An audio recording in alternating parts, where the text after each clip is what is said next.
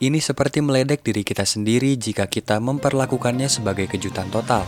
Selama dua bulan sekarang, sebuah partai politik dan ekosistem medianya yang menyertainya terlalu sering tidak mau mengatakan yang sebenarnya kepada pengikut mereka, ujar Obama. Kemudian ia menegaskan bahwa pelantikan Joe Biden tetap akan berlangsung sesuai agenda semula yaitu pada 20 Januari 2021.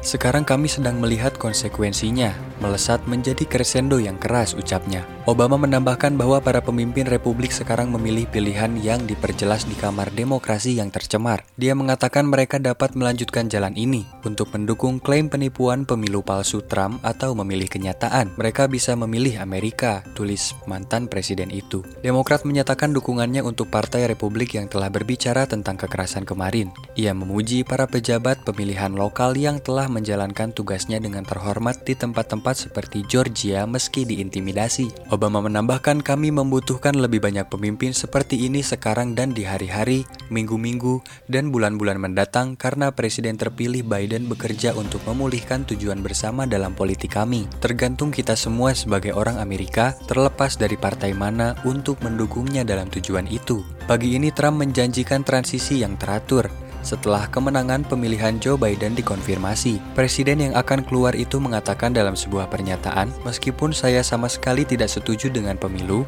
dan fakta menunjukkan kepada saya, tapi akan ada transisi yang tertib pada 20 Januari. Saya selalu mengatakan kami akan melanjutkan perjuangan kami untuk memastikan bahwa hanya suara yang sah yang dihitung, ucapnya. Meskipun ini mewakili akhir masa jabatan pertama terbesar dalam sejarah kepresidenan, ini hanyalah awal dari perjuangan kami untuk make America great again. Tandasnya. Pemirsa itulah berita hari ini tentang Obama yang sebut penyerbuan gedung Kapitol hasil kebohongan Donald Trump. Sekian berita hari ini, sampai jumpa di berita-berita berikutnya.